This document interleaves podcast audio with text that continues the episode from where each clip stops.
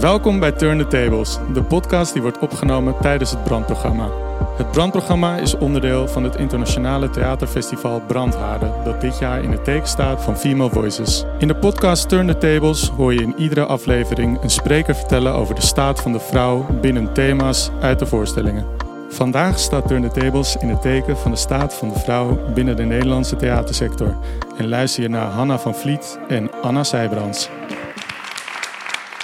Ja, we hadden eigenlijk bedacht om gewoon simpel te beginnen met de cijfers. Er is in de theaterkrant een artikel uitgekomen wat Lang genoeg gewacht heet. Over de rol van de vrouw in de theaterwereld. Uh, door Pauline Geerlings en Nina van Tongeren. En, en daarin zijn de cijfers niet al te mals. Dus 38,9% van de voorstellingen. En dan is er gekeken naar BIS-voorstellingen, dus uh, subsidiegezelschappen, die in de periode van 2017-2020 uh, voorstellingen maakten. En 98, zo, 38,9% van die voorstellingen was maar geregisseerd door een vrouw. En uh, 29,7% van die voorstellingen was geschreven door een vrouw. Um, ja, ja dus die, uh, dat zijn natuurlijk sowieso cijfers nou, die niet al te best zijn. Want we zijn natuurlijk 50-50 op deze wereld, man, vrouw en dan nog een clubje non-binaire mensen. Um, maar wat wel interessant is, is dat het, het is gewoon heel fijn om nu cijfers te hebben. Want daarmee, ja, dat is gewoon een wapen in elk gesprek hierover. Alleen dit percentage zegt eigenlijk nog niet eens iets over de inhoud van die rollen. Dus dat is nog weer een heel groot gesprek wat we nu gelukkig hier ook voeren en wat steeds vaker gevoerd wordt. Um, maar je ziet ook in de filmwereld eigenlijk een vergelijkbaar onderzoek dat ook eigenlijk nu pas net voor het eerst echt onderzoek is gedaan en koppen zijn geteld van de verdeling man-vrouwenrollen en ook voor en achter de camera. Um, dus ik, ik ben ook onderdeel van ACT, van de Acteursbelangenvereniging en van de inclusiviteitscommissie daarin. En daarmee zijn we nu ook dus bezig met focusgroepen organiseren met kleine groepjes actrices. Om het te hebben over de inhoud van die, ook in de filmwereld, ongeveer 40% uh, vrouwenrollen. Um, ja, willen we nog wat cijfers over dat onderzoek van de filmwereld? Dat is een onderzoek en dat heet Beter is nog niet goed genoeg. De positie van de vrouwen in de film- en televisiesector 2011-2020. En uh, daaruit bleek dat het aantal mannen in leidinggevende functies ruim twee keer zo groot is. Namelijk bijna 70% ten opzichte van 30% vrouwen. Ja, het is heel kinderachtig, maar het is dus toch wel nodig om te laten zien hoe het in elkaar zit. En als je dan kijkt naar hoofd- en bijrollen, dat vrouwen. Sorry, even lezen wat hier staat. Um, het, het, aandeel hoofdrollen en bijrollen voor vrouwen lag de afgelopen tien jaar rond de 42 procent. En dan uh, in alle functies, behalve bij documentaire, zijn vrouwen ondervertegenwoordigd. En vooral bij technische functies, dat zien wij ook in onze eigen theaters. Er zijn bijna geen vrouwelijke technici. Uh, en daar schommelt het percentage tussen de 5 en 25 procent. En wat, wat dus ook super interessant is en schokkend om te zien, is dat hoe meer geld er is voor een productie, hoe meer mannen eraan meewerken. Dus dat is in, eh, daarom, dus dat er, eh, er werken dus ook meer vrouwen relatief in documentaire, omdat daar eigenlijk minder grote budgetten zijn. Dus je ziet dat vrouwen eerder uh, ja, doorschuiven naar een net ander vakgebied, omdat er met minder budget dus eerder een film te maken valt. Dus dat vind ik zelf bijvoorbeeld dus nogal pijnlijk. Dat dus de, de grote, ja, alle grote films eigenlijk, dat daar structureel een heel veel groter percentage mannen aan meewerkt, voor en achter de schermen. Dan hebben het natuurlijk ook over al die oorlogsdrama's, waar ook voor acteurs, hè, waar gewoon dan weer twintig rollen voor jonge mannen in zitten en één rol voor een meisje. Precies, een beetje gechargeerd, maar uh, ja. En um, er staat er een quote hier in dat onderzoek uit de theaterkrant, wat ik zelf een mooi quote vind om ook even voor te lezen. Um, en dat gaat er eigenlijk op in als inderdaad die verhalen telkens geregisseerd worden door mannen, geschreven worden door mannen, dan krijgen we een blik gepresenteerd um, die je kwalijk kan zijn. En er wordt hier gezegd: als je als meisje of vrouw leert dat je afhankelijk bent, wordt het lastig om een leidinggevende rol op je te nemen. Als je in films, series en toneelstukken ziet dat vrouwen voortdurend de mond gesnoerd wordt, dan is het lastig voor een meisje of vrouw om haar eigen stem te gebruiken. En als meisje en, meisjes en vrouwen steeds verteld wordt dat hun seksualiteit niet van hen is, maar van de mannen om hen heen, dan wordt het lastig om buiten die mannelijke blik te bestaan. Kortom, verhalen zijn niet onschuldig. Ze hebben directe invloed op onze dochters, moeders, zussen, vriendinnen, op onszelf. Um, dat vond ik eigenlijk wel een mooie in, om te praten over uh, wat verhalen met ons doen. Uh, en het vertellen van bepaalde verhalen. Um, want we hebben tijdens Brandhaarden, tijdens deze editie, hebben we gekeken uh, naar hoe vrouwelijke makers aan de haal gaan met uh, westers klassiek repertoire.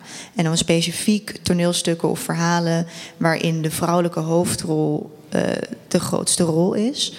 Um, ook dat is interessant, want ook in dat, in dat artikel in de theaterkrant staat ook een heel mooie tabel um, over uh, ook stukken waarin vrouwen bijvoorbeeld de hoofdrol zijn, uh, zijn ze woorden gaan tellen. Dus in, allerlei, in al deze stukken hebben ze ook woorden geteld. Um, maar het is ook interessant om te zien dat ook in stukken waarin vrouwen bijvoorbeeld de hoofdrol zijn, vrouwen helemaal niet altijd het grootste aantal woorden hebben, bijvoorbeeld. En dat de belangrijkste vrouwenrol vaak veel minder woorden heeft dan minder belangrijke mannenrol in een stuk. Ik vind dat ook altijd als je naar uh, Macbeth kijkt van Shakespeare. Dan heeft uh, Lady Macbeth is een van de bekendste personages uit de geschiedenis, denk ik. Iedereen, nou niet iedereen, maar heel veel mensen kennen die naam. En die, zij heeft denk ik, ja, ik heb het een keer gegoogeld. Het was echt 40 zinnen of zo. Ja. het was echt nog niet eens een tiende van Macbeth zelf.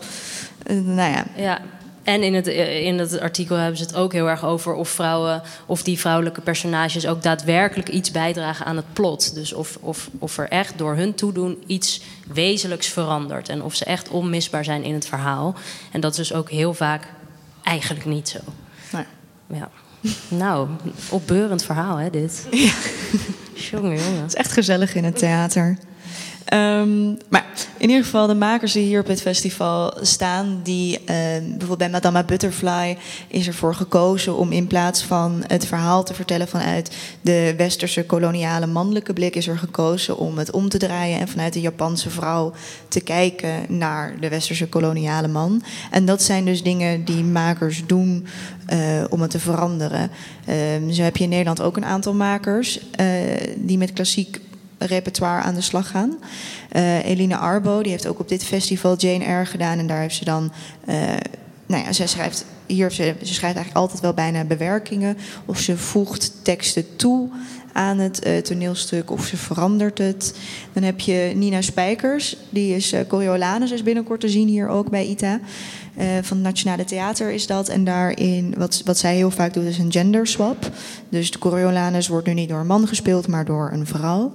Um, Club Lam schrijft echt nieuwe stukken. Zij zijn van mening dat deze vrouwen in de geschiedenis eigenlijk hun stem terug moeten krijgen.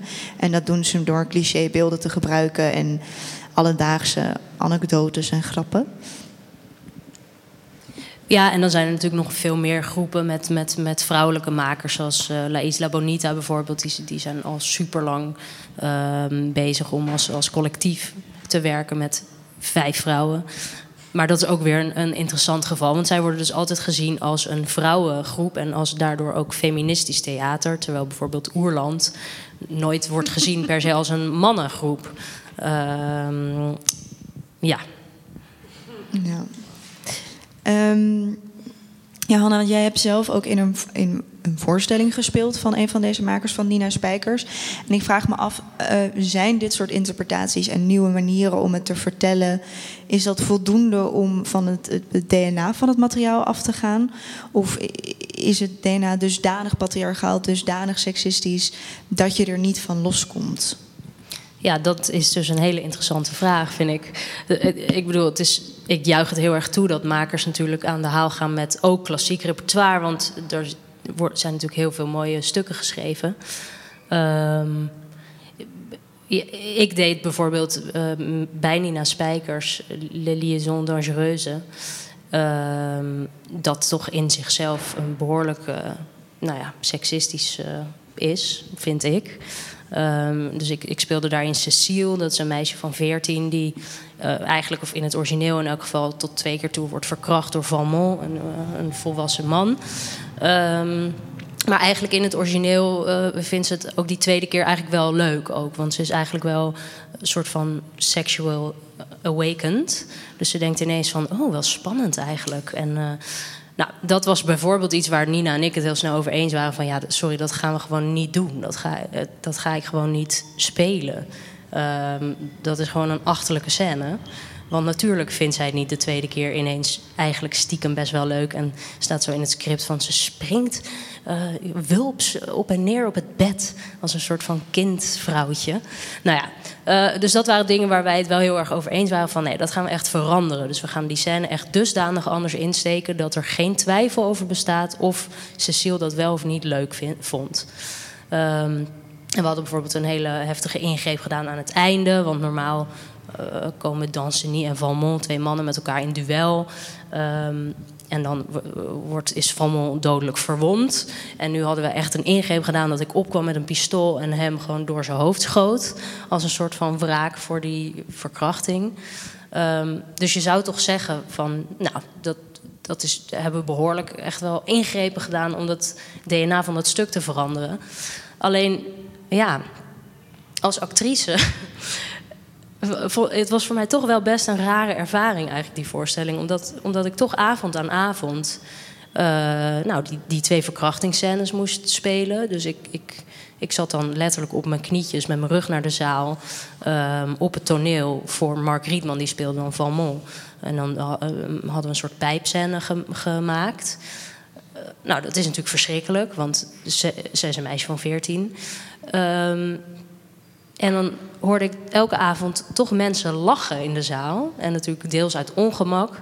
Maar je voelde gewoon aan die zaal en ook achteraf in de foyer... dat iedereen toch een beetje gecharmeerd is van die Valmont. Dus dat iedereen toch, want zo is het ook geschreven... alsof hij heel, hij is heel witty en heel ja, soort van verleidelijk. En, en hij maakt grapjes met het publiek. En Mark kan dat natuurlijk ook heel goed spelen. En dat je toch een soort sfeer krijgt van... nou, die stoute Valmont, wel, wel een boefje hoor... En dat ik me gewoon echt best wel kut voelde elke avond. Um, sorry, ik ben ook heel verkouden. Um, niet dat het me nu zo raakt dat ik ervan vol schiet.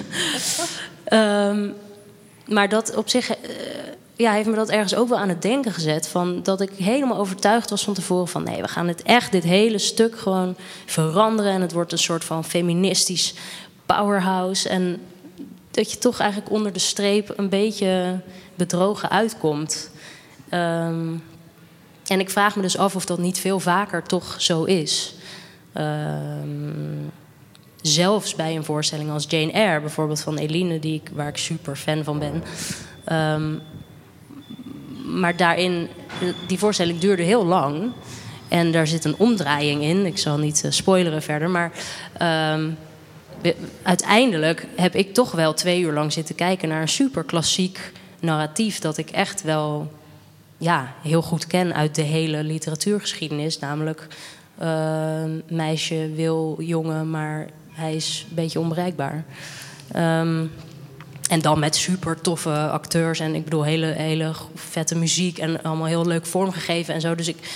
Um, maar goed, dat, ja, daarvan denk ik dus ook toch van ja, dat is een soort moderne bewerking van dat stuk. Maar uiteindelijk waar zit je nou onder de streep toch naar te kijken? En wat laat je onder de streep toch een actrice steeds weer opnieuw spelen?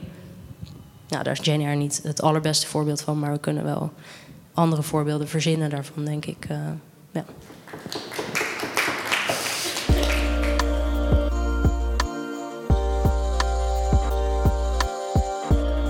Dit was de vijfde aflevering van de podcast Turn the Tables.